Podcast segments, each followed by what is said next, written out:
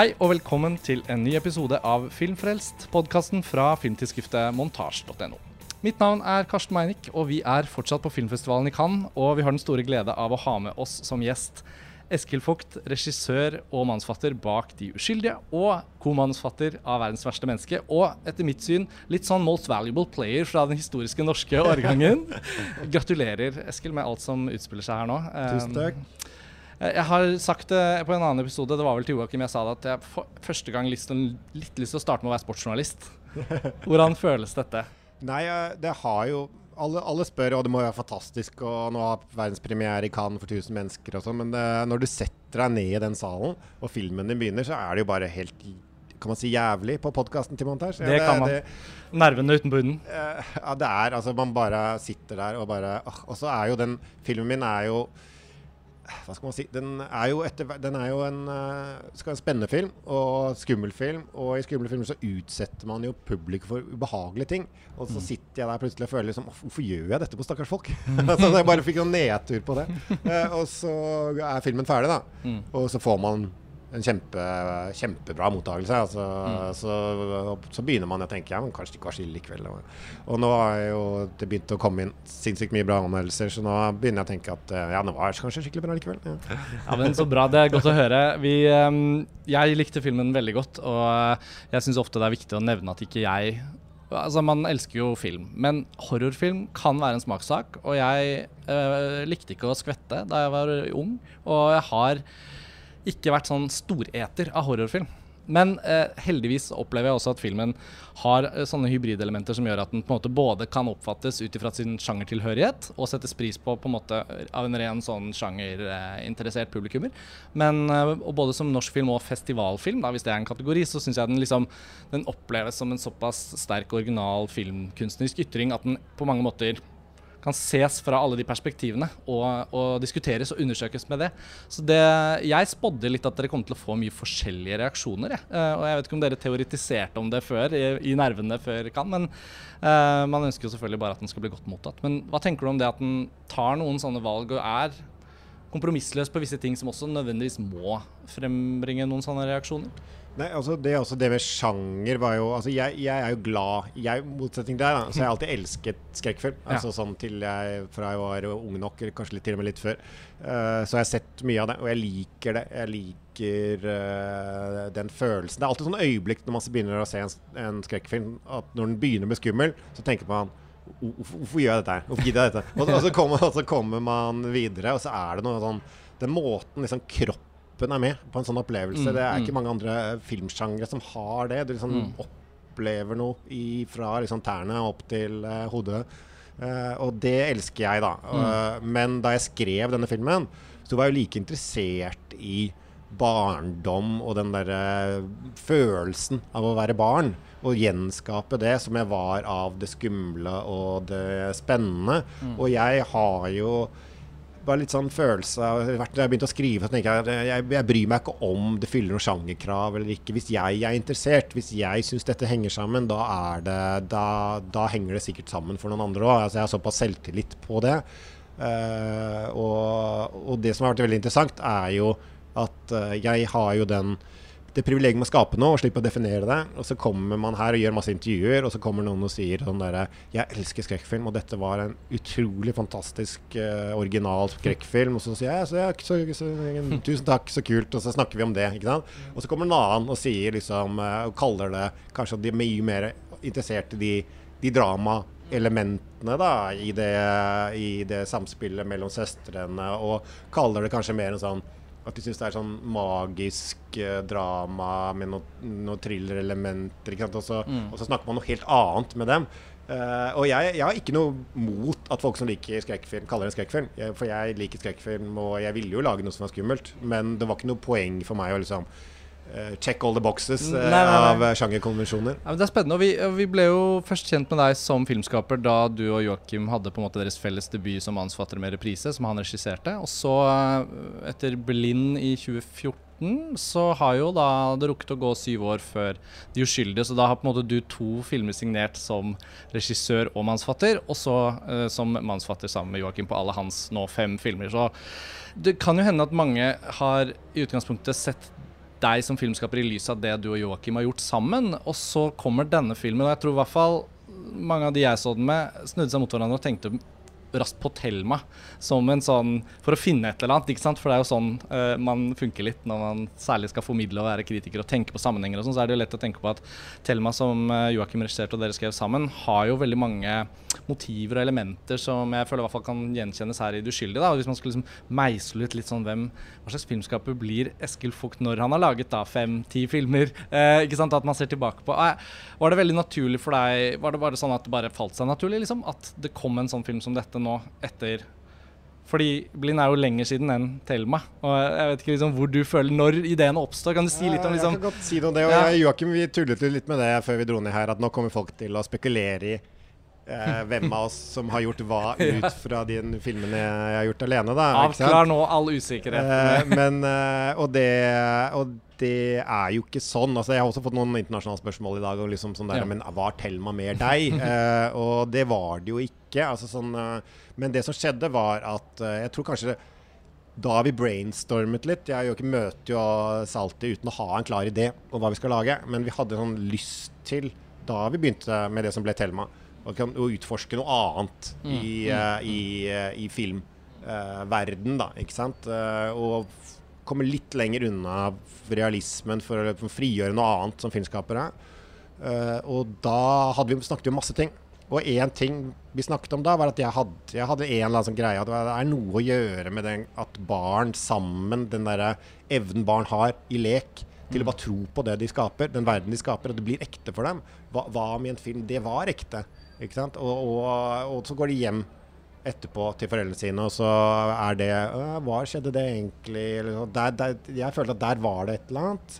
Det, men det var bare én av mange ting vi mm. kastet frem og tilbake. Og vi, når vi jobber sånn i den fasen, så er det sånn Man prøver ut noen ting, og hvis det ikke fester seg på den andre, så går vi videre til noe annet. Så bare snakker vi og snakker vi. Eh, og så ble den sittende. Mm. Så det at den kom, den kom jo kanskje først ut fra liksom, den prosessen vi hadde der, uh, men så ble den sånn sittende fast hos meg. Og det, kanskje jeg tenker at den resonnerte kanskje enda mer med meg, fordi uh, Joakim var jo ikke far på det tidspunktet, mens jeg, jeg hadde jo to barn. Mm. Jeg, så jeg opplevde jo det på en helt annen måte, tror jeg. Uh, og da kom det jo masse andre ideer som liksom la seg oppå det, og det ble ja, det ble noe jeg måtte gjøre da etter hvert. Ja, ja, ja. Men jeg kan også si at uh, den uh, det Joakim og jeg føler, er jo at vi er interessert i alt mulig rart ikke sant? Ja. når vi lager film. Og vi, vi, tenker jo ofte hva skal man gjøre neste gang? Ja. Og så tenker man ut en eller annen smart ting for karrieren, og så gjør man noe helt annet fordi man får en idé. Ikke ja. sant?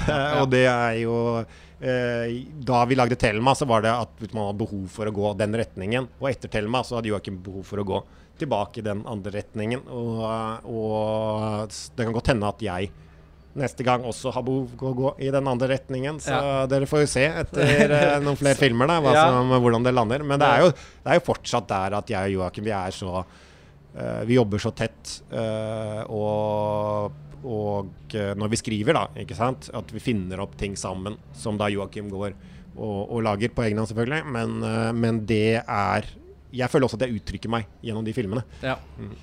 Jeg glemte å si innledningsvis at vi også har veldig sånn kort tilmålt tid med deg her eh, i Cannes. Og det sa jeg også i episoden hvor jeg intervjuet Joakim og et par av skuespillerne hans. Så uh, vi skal også få snakke med klipperen din Jens Christian Fotstad, så episoden blir jo liksom utvidet litt av det, da.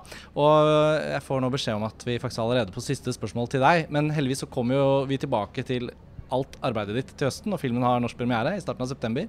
Så hvis jeg skal liksom stille bare en siste ting sånn her i Cannes, mens vi ser utover yachtene i havna og vet at filmen har hatt sin premiere, og da må jeg bare si at forrige intervju så svarte du jo på fransk. Og det er lett å glemme at du har din bakgrunn fra en fransk filmskole. og Da må jeg liksom spørre litt om kan og rammene for å vise en film her til slutt. Fordi det er jo en helt spesiell ramme, og vi går, legger en pandemi bak oss. Dette med å på en måte gjenstarte filmkulturen og sånn. Hva, hva, har du opplevd nå med filmene de siste dagene, og liksom, hvor viktig har Cannes vært for deg? Nei, altså Nå er Cannes er beste stedet bare å slippe en film, for man får så mye oppmerksomhet og, og, man får så mye mottagelse på én gang. da, altså Enda mer i hovedkonkurranse, selvfølgelig, men vi har vært heldige med vår film også at vi har fått uh, sinnssykt mye oppmerksomhet. Og, og, det er jo derfor du må runde av nå. Fordi det står noen andre som skal intervjue her. Ja, for å tegne opp et bilde for lytterne her, så har vi et sånt rom innenfor verandaen med folk som står i kø for å møte Eskil Vogt. Så det er jo også veldig bra, da. Det er, det er jo veldig hyggelig. Ja, absolutt. Det hyggelig å kunne på en måte rapportere om det også. Ja, men, men, det jeg greide å si da jeg holdt introen uh, til filmen, og det var jo uh, litt sånn Jeg visste ikke helt om jeg skulle si noe eller ikke. De sa sånn Nei, du skal ikke si noe. Eh, jeg trodde det var for at ikke kunne influere juryen eller noe sånt. Og så plutselig så fikk jeg høre før Ja, det kan hende du får mikrofonen likevel. Og så, bare, og så fikk jeg den mikrofonen, så står jeg der. Og så ser jeg opp, så er det jo liksom Det er jo ikke bare en full sal der nede. Det er jo en annen etasje. Men altså, det er jo over 1000 mennesker som står der og må stå foran Schindlerret og så bare greide å si sånn Cinema is back. Et eller annet sånt. Fordi jeg bare følte liksom, det er så deilig. Det var det viktigste. det var så deilig. Jeg sa noe mer òg, da. Ja, jeg, greide å, jeg greide å fremstille filmen som en veldig sånn koselig film om barndom, tror jeg. Det sjokkerte nok noen folk når de faktisk så hva det var. Men, ja. uh, nei, men det er bare det å være i Cannes med en full sal av folk som sitter tett i tett. Spesielt på den type film hvor det er en liksom kollektiv opplevelse, og man sitter og skvetter litt og, og vrir seg litt i stolen og, mm. og, sånn. Å være i en kinosal, oppleve det med stort lerret, bra lyd, masse folk. Det bare føles som om Jeg bare håper at Cannes nå liksom er den det startskuddet for, eh, for, eh, for, eh, kinoens Hva skal man kalle det? Comeback. Comeback. Ja. Renessanse. Ja. Uh, Eskil, tusen takk for tiden din, uh, og lykke til med lanseringen videre rundt omkring i verden. Først Norge, kanskje, og så flere andre steder utover Østen. Um, så skal vi gå videre til klipperen din, Jens Christian Fotstad. Takk, Eskil. Tusen takk. Ja, og som varslet så har vi nå byttet arena, og vi har satt oss ned med De uskyldige sin klipper, Jens Christian Fodstad, som også er her i Cannes i forbindelse med verdenspremieren på filmen i Un certain regard. Og vi befinner oss nå på en sånn herlig terrassekafé på utsiden av eh, Grand Hotell og ser ut mot havet. Og Jens Christian Fodstad, velkommen til Filmfrelst. Takk. Og takk for at du tok deg tid eh, på en travel Cannes-festival til å snakke litt med oss om arbeidet ditt på De uskyldige. Filmen har jo premiere i starten av september, så mange av lytterne vil jo ennå ikke ha sett den. Og jeg skal vegre meg for å komme med noen spoilers, for det er jo en film det er veldig spennende å se uten å vite for mye om den. Uh, og du har jo da sittet sammen med Eskil, som dere gjorde på Blind, og klippet hele denne filmen. Uh, så du kjenner den jo inn og ut. Og da tenker jeg sånn, hvordan snakker man med en klipper uten å komme med altfor mange spoilers? Så da jeg, starter jeg med et idrettsspørsmål. For dere hadde jo premiere i dag. og hva føler du nå? Hvordan var det å se filmen her på Cannes-festivalen? Jeg uh, føler lettelse, er nok det mest beskrivende ordet. Um, var ganske nervøs på forhånd. Uh, Syns det var skummelt. Uh, så jeg er veldig letta og glad og, og stolt. Og det Jeg syns det ble en veldig god visning. Så nå er det litt sånn åh, utladning. Det var litt sånn off the record da du og lyddesigner Gisle Tveito um, møtte oss i går kveld. Eh, og da had, kunne dere fortelle at dere hadde fått være på sånn testkjøring eller teknisk gjennomgang i Salle Debussy, som det heter, der hvor Unsight Nagar-filmene blir vist. Ja. Det virket som dere fikk liksom meget profesjonell veiledning og behandling her nede som filmskapere. Da. Det er jo litt spesielt i Cannes at de, det er jo her filmkunsten tas nesten mer på alvor enn noe annet sted. Ja, det syns jeg var veldig, veldig fint. Altså For meg er jo Cannes eh, Jeg har ikke vært her siden, altså i denne byen eller eh, på denne festivalen siden jeg sto på utsiden og observerte dette sirkuset i 1990, da jeg var på interrail. Uh, og Det har jo alltid vært det sånn mytisk, uh, denne festivalen og det. Og jeg har jo fulgt med og sett filmer herfra. Og, uh, og det å ha en film her er jo kjempestort. men jeg syns det har vært en veldig sånn deilig nå, selvfølgelig også etter uh, covid uh, og mm. det vi har vært gjennom, mm. å se film i en sal med mennesker. Og ja, de, vi fikk veldig bra oppfølging. Og det kanskje mest oppsiktsvekkende var at vi, etter at vi hadde hatt denne tekniske kjøringen, som vi kaller det, uh, klokka halv to på natta, så, så, spurte de om vi ikke ville ha et glass champagne før vi, før vi gikk. Og det syns jeg var veldig sånn fransk og fint. og så nå håper jeg liksom nå, nå har jeg litt høyere forventninger neste gang vi har teknisk kjøring på Klingenberg. Ja, men Det er veldig bra, og det er fint å høre deg beskrive det. For jeg syns jo noe, noe, av det man um, Ja, man gleder seg over på vegne av de norske filmene, selvfølgelig, men også gleder seg over som uh, filmelsker, som også du er, selvfølgelig. Og, og, det å være her og kjenne på at man er tilbake i filmkulturen igjen da, etter denne, denne um, ørkesløse vandringen gjennom pandemien. Og det, det var jo også tilfellet for De uskyldige at den da nødvendigvis ble utsatt fordi det var en film som ble laget like i forkant av pandemien, hvis ikke jeg husker feil. Og så er det jo et spørsmål som Maria Ekerhovd, også produsenten, fortalte litt om i forrige episode. At hun ikke sant, Når er det man da sier at filmen skal få slippe fri? Og nå endelig har den gjort det, da.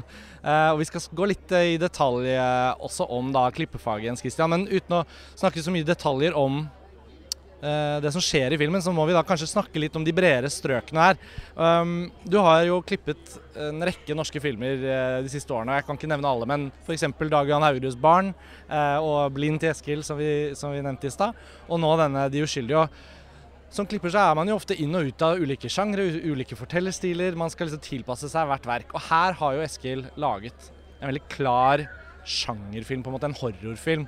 For deg som klipper, det å liksom gå inn i en sjanger på en måte, endrer det noe prosessen for deg? Har du, har du noe spesielt ved denne filmen du kan trekke fram som liksom du måtte tilpasse deg til? Ja, altså på en måte så er jo dette en kanskje litt en hybrid på samme måte som altså hvis uh, 'Bland inn er en vampyrfilm, så er mm. dette en skrekkfilm. Men det er jo ikke det. Så vi mm.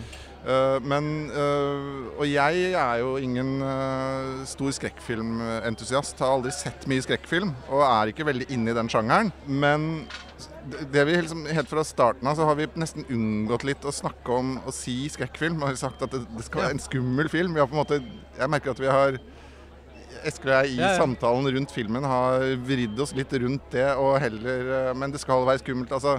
Mm. Så egentlig så har jeg prøvd å ikke tenke for mye på det. Mm. Men som alltid, som du sier, altså handler jo Hvert prosjekt er unikt, og det handla jo om å finne et språk uh, å fortelle denne filmen i. Uh, mm. Og, og en, en, måte å klippe det på uh, som måte, gikk inn i kjernen av prosjektet, kan du si. Uh, og da skjønte jeg ganske tidlig at altså, den er veldig sekvensiell.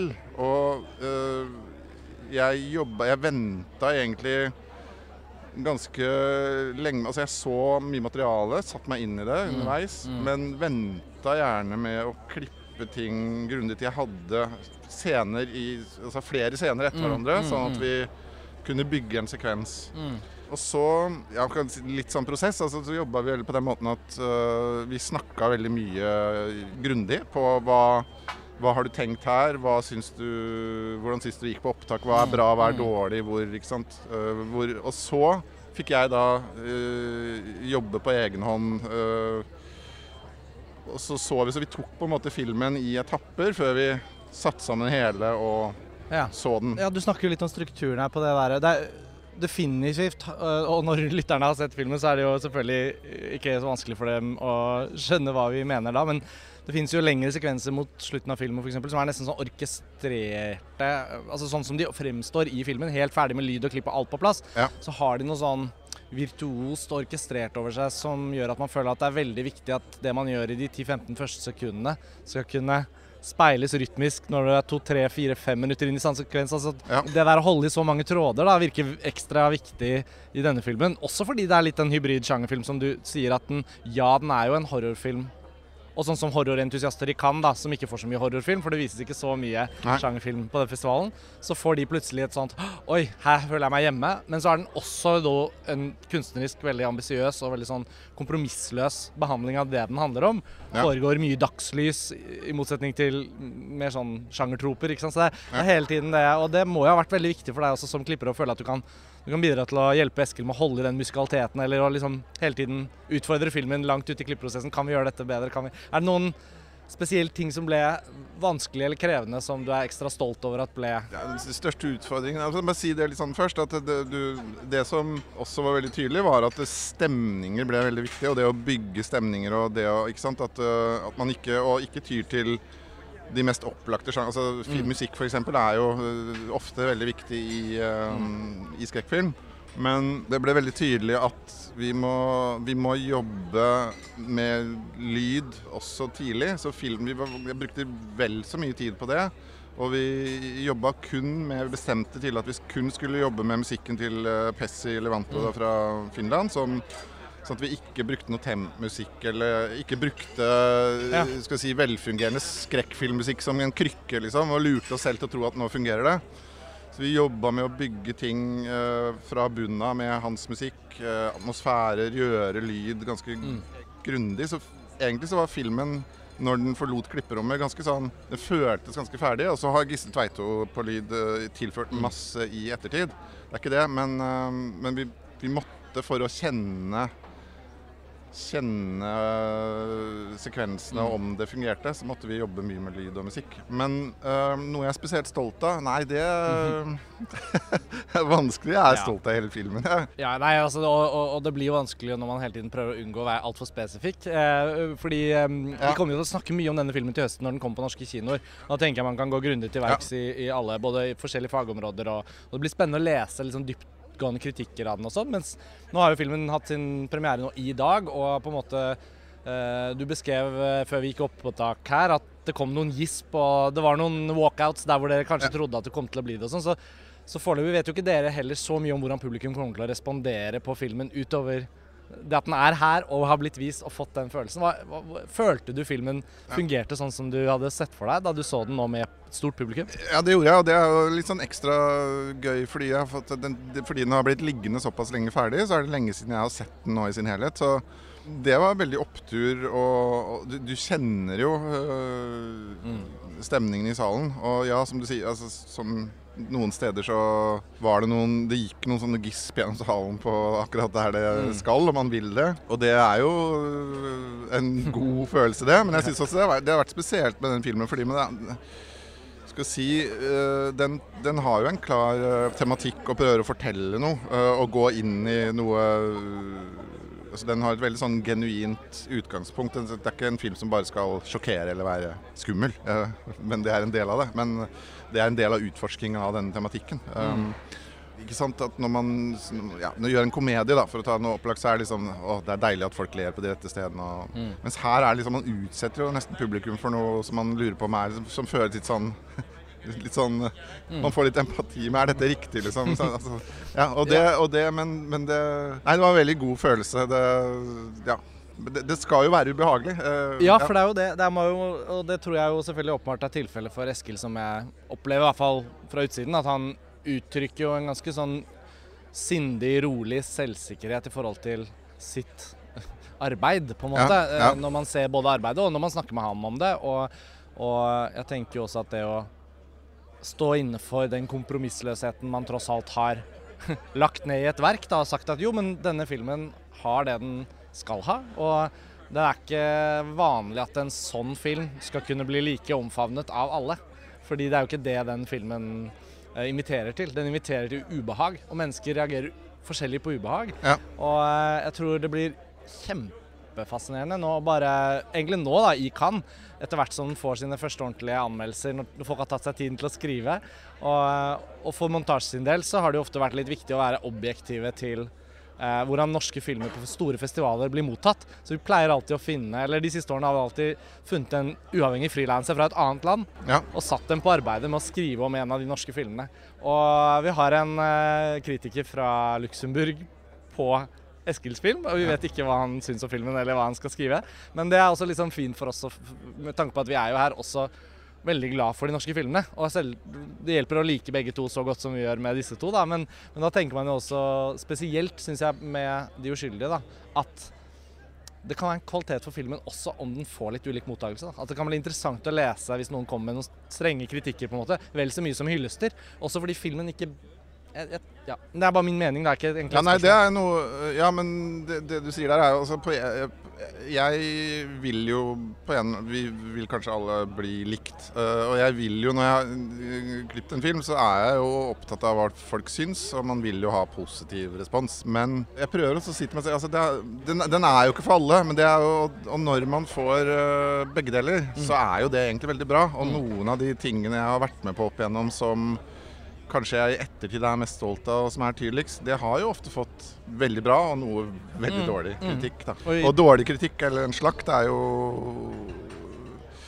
noe man tåler og, og, kanskje kan ha godt av, hvis den, spesielt hvis den er velbegrunna. Ja. Selv om det er litt sånn vondt med en Ja, gang. så-. Men uh, det blir spennende, det. Jeg, jeg gruer meg jo til det. Og men, i eh, skrivende stund, hvis vi kan si det sånn, når vi gjør et podkastopptak, så har det jo i hvert fall ikke meg bekjent kommet noen særlig lange anmeldelser ennå. Og jeg har ikke hatt tid til å lese dem, så Nei. vi kan ikke kommentere på mottakelsen her og nå. Men jeg syns i hvert fall det du beskriver fra selve visningen, høres jo ut som at uh, den i hvert fall har virket på sitt publikum. Ja. Og det var da jeg hørte rykter om litt applaus i etterkant òg, som Det var jo lang applaus, ja. Det var jo også helt fantastisk. Det er det selvfølgelig. Men eh, Nei, men det, vet du hva? Det, det som jeg syns var så stort i dag Altså det Og det var eh, Det jobba vi jo mye med på dette prosjektet. eh, at dette skal være for kinorommet.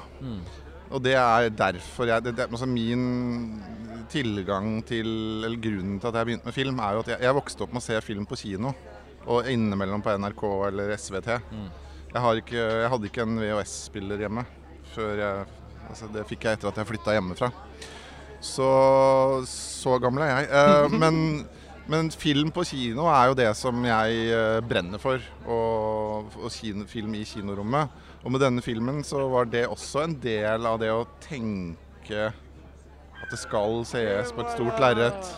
Og, og det, det jobba vi også mye. Så vi har jo både altså, Dels så har jeg et klipperom og vi har eh, et lerret og litt stor Så vi kan ta, holde det opp der, men også Jeg har jo hatt gleden av å besøke klipperommet ditt en gang. Jeg husker jeg ble så imponert det fortsatt gjør inntrykk eh, hvor, hvor stor forskjell ditt klipperom var fra andre klipperom. da. Og jeg tenker Det har jo en reell effekt. og Det har vært veldig inspirerende å tenke på at det store lerretet er alltid tilgjengelig når du klipper. Ja. Eh, og dermed har du jo, som du beskriver nå, hele tiden muligheten til å se det i lys av det store. Altså Det må jo være Ja. flott for regissøren å komme til deg. Ja, ja. Men i tillegg så har vi Ja, absolutt. Det er Eller det, det, ja, det, det håper jeg jo at det er hyggelig å komme til meg. Men det er eh, det er jo viktig å holde opp filmen. Og, få, og underveis så hadde vi også mye visninger uh, i, i, eh, i kinosaler. da, Ja. Med ganske få mennesker og Ja. med en del mennesker. Og vi var veldig sånn opptatt av å gi filmen Den ble jo kortere og kortere. Altså Vi begynner jo med en lang versjon, så blir den kortere og kortere. Men vi hadde jo en ja, Nå er jo filmen eh, et sted under to timer, 1,50 eller noe sånt, eh, hvis jeg ikke husker Men jeg tenkte faktisk at eh, For det første følte jeg lengden var helt fin, men jeg, jeg tenkte at det er jo veldig mye norsk film som ender opp med å være 90 minutter. da. Og jeg kjenner Ja, jeg selv, det- altså 90-85 liksom. Det Ja. en, I Norge lager vi jo ikke så lange film. Barn er jo veldig lang, og Ja. på en bra måte. Ja, det er jo en film som skulle være den lengden. Det er et manus som var den lengden. Uh, og den her har også blitt omtrent det man skulle tro. Men, men det jeg egentlig vil si, at det, den, det, dette med uh, altså, Og det er, der er jo skrekkelementet. Altså, det er jo veldig viktig. Det er uh, Det foregår på høylys dag i på en måte ja, naturalistiske, kan man si. Mm. Ikke? Omgivelser og spill der. Men, men man skal bygge stemning. Eh, Og det er, da er det viktig å investere tid. Da. Så det er en, den har vel forhåpentlig en, en god framdrift, men vi var også opptatt av å ta oss tid i sekvenser, og det, det jobba vi mye med. Vi hadde jo en versjon som var 2 timer og 40 minutter, sånt, som vi fikk veldig bra respons på fra, fra folk vi, vi viste. Altså et eh, testpublikum da, som vi snakka med etterpå. Men, uh, Kanskje blir extended cut. ja, nei, det tror jeg ikke, men, uh, men uh, ja. Kan jeg spørre om, ikke for å hoppe for mye, men jeg er jo også litt nysgjerrig på helt spesifikt da, arbeidet ditt med Eskil som regissør, som menneske. Altså Dere gjorde jo Blind sammen, Ja. og så har det jo vært, fordi det er veldig fortjent, da, en god del snakk nå her nede i Cannes om at Eskil som manusforfatter på 'Verdens verste menneske', som Joachim Trier har regissert, og Ja. som manusforfatter og regissør på sin egen film, er jo en slags sånn most valuable player, da, litt sånn sammen med Gisle Tveito, som også har hatt lyddesign på begge. Altså sånn, Ja. Det er jo en begivenhet, men også en manifest på en helt særegen filmskaper, da, som eh, Jeg sier ikke at han har kommet i skyggen av Joakim nødvendigvis, men det er jo klart at han har jo skrevet da alle filmene til Joakim med ham, og foreløpig da hermetegn bare regissert Blind før denne. Um, hva kan du si om liksom samarbeidet deres eh, under, under Blind, da dere gjorde deres første langfilm sammen, og nå, og liksom tiden imellom? Hvordan, hvordan vil du beskrive den Uh, Ja, altså Fordelen nå var jo at vi, vi kjente hverandre, og det, det er alltid bra. fordi da kommer man mye fortere inn i en sånn trygg arbeidssituasjon. Um, uh, men Eskil er jo en Altså, han er jo veldig filmkyndig. Han er veldig filmspråklig skolert. da, i den Mm. forstand at Han har veldig oversikt over på en måte de altså filmatiske konvensjoner, hva man har tilgjengelig på en måte, i, i hvordan man kan gjøre ting. hvordan, altså, Og ha et bra vokabular for å uttrykke det og sånn. Er flink til å snakke. Men det som han også har, er jo en veldig åpenhet og en veldig Jeg syns at han har gitt meg mye tillit.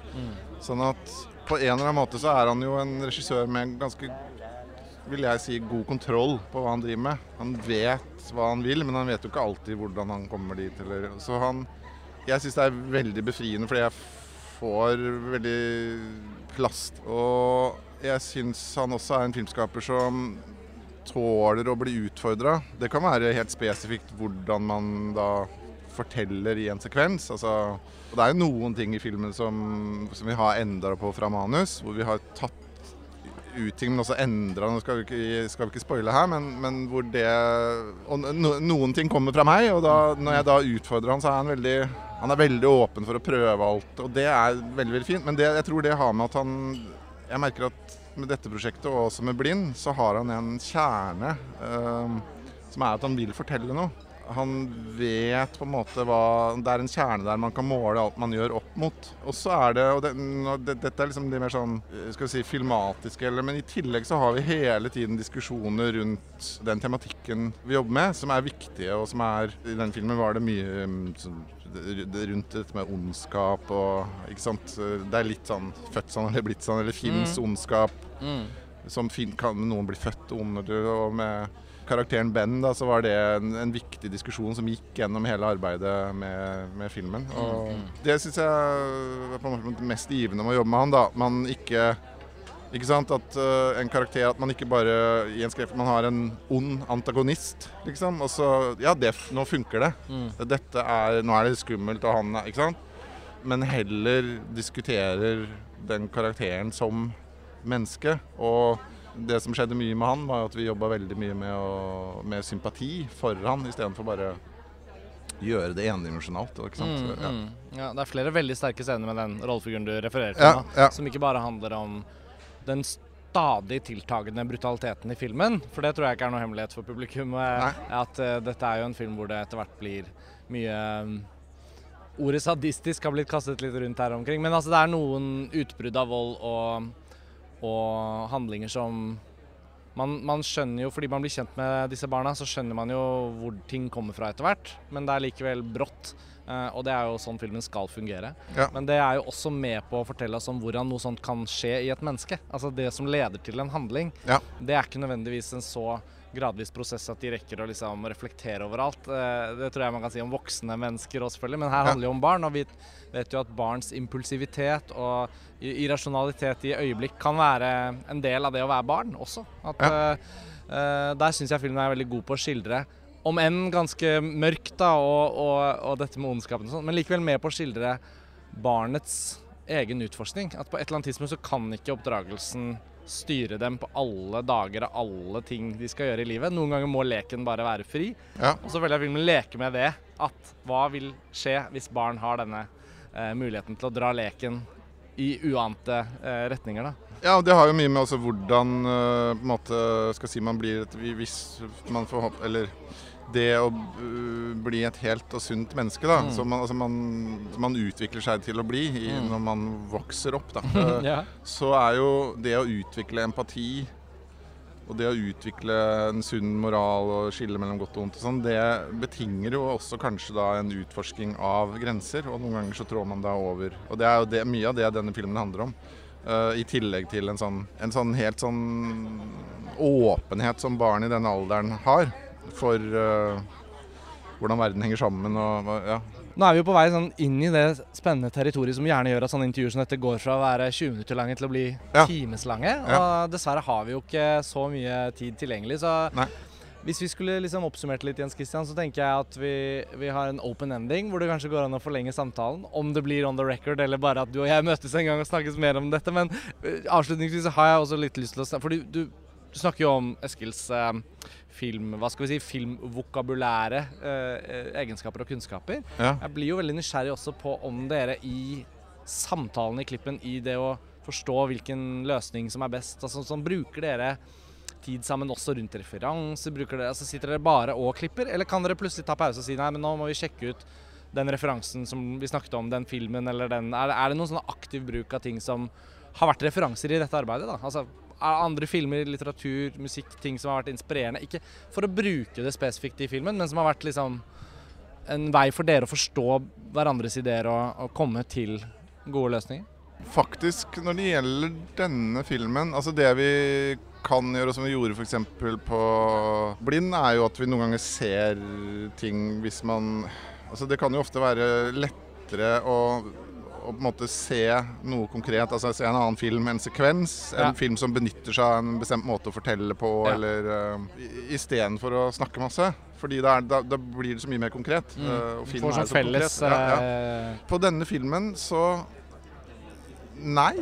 Jeg vil ikke si at vi har ikke mm, forholdt oss noe særlig til referanser. Jeg har ikke sett Nei. noe særlig. Altså, det fins en um, japansk sånn um, tegneserie som heter Domu. Som uh, har vært også en del av inspirasjonen til Eskil. mm. Og det er vel det nærmeste jeg kommer at der så jeg på den. Sammen med han for å forstå litt mer av den, en avsluttende sekvens i filmen. Mm. Spennende. Ja. Av alle ting. Ja, ja, men, det, var, det var jo et svar, det. Ja, Det var ikke men- det jeg hadde forventet. For jeg tenkte sånn, Dere har hatt, film, dere har hatt sånn kjellerfilmkvelder og sånn. Ja, nei, det har vi ikke hatt, fordi det har vi ikke trengt. uh, nei. Nei, men Så bra. Det er også et svar. Um, jeg tror kanskje vi må avslutte der, ja, da. Ja, ja. For uh, kvelden er ennå ung, og det skal skje mye mer uh, utover i Cannes. Og um, i- jeg syns ikke jeg har hatt for mange gode anledninger til å snakke om klipping på Filmfrelst, selv om lytterne vet at jeg også jobber som klipper. Og Ja. Jens Christian, vi har hatt mange samtaler om både ting du har klippet, jeg har klippet og andre sammenhenger, men ikke hatt anledning til å gjøre det sånn som dette før. Da. Så det var ja. veldig fint, syns jeg, å ha deg med. Dette var en veldig god anledning. Og så er du velkommen tilbake en annen gang hvis vi har litt roligere forhold. Altså. Jeg eh, kommer gjerne tilbake. Ja, veldig hyggelig. Og gratulerer igjen med filmen. Og så får du kose deg den siste kvelden i Cannes. Takk for det. Ha det bra. Ha det.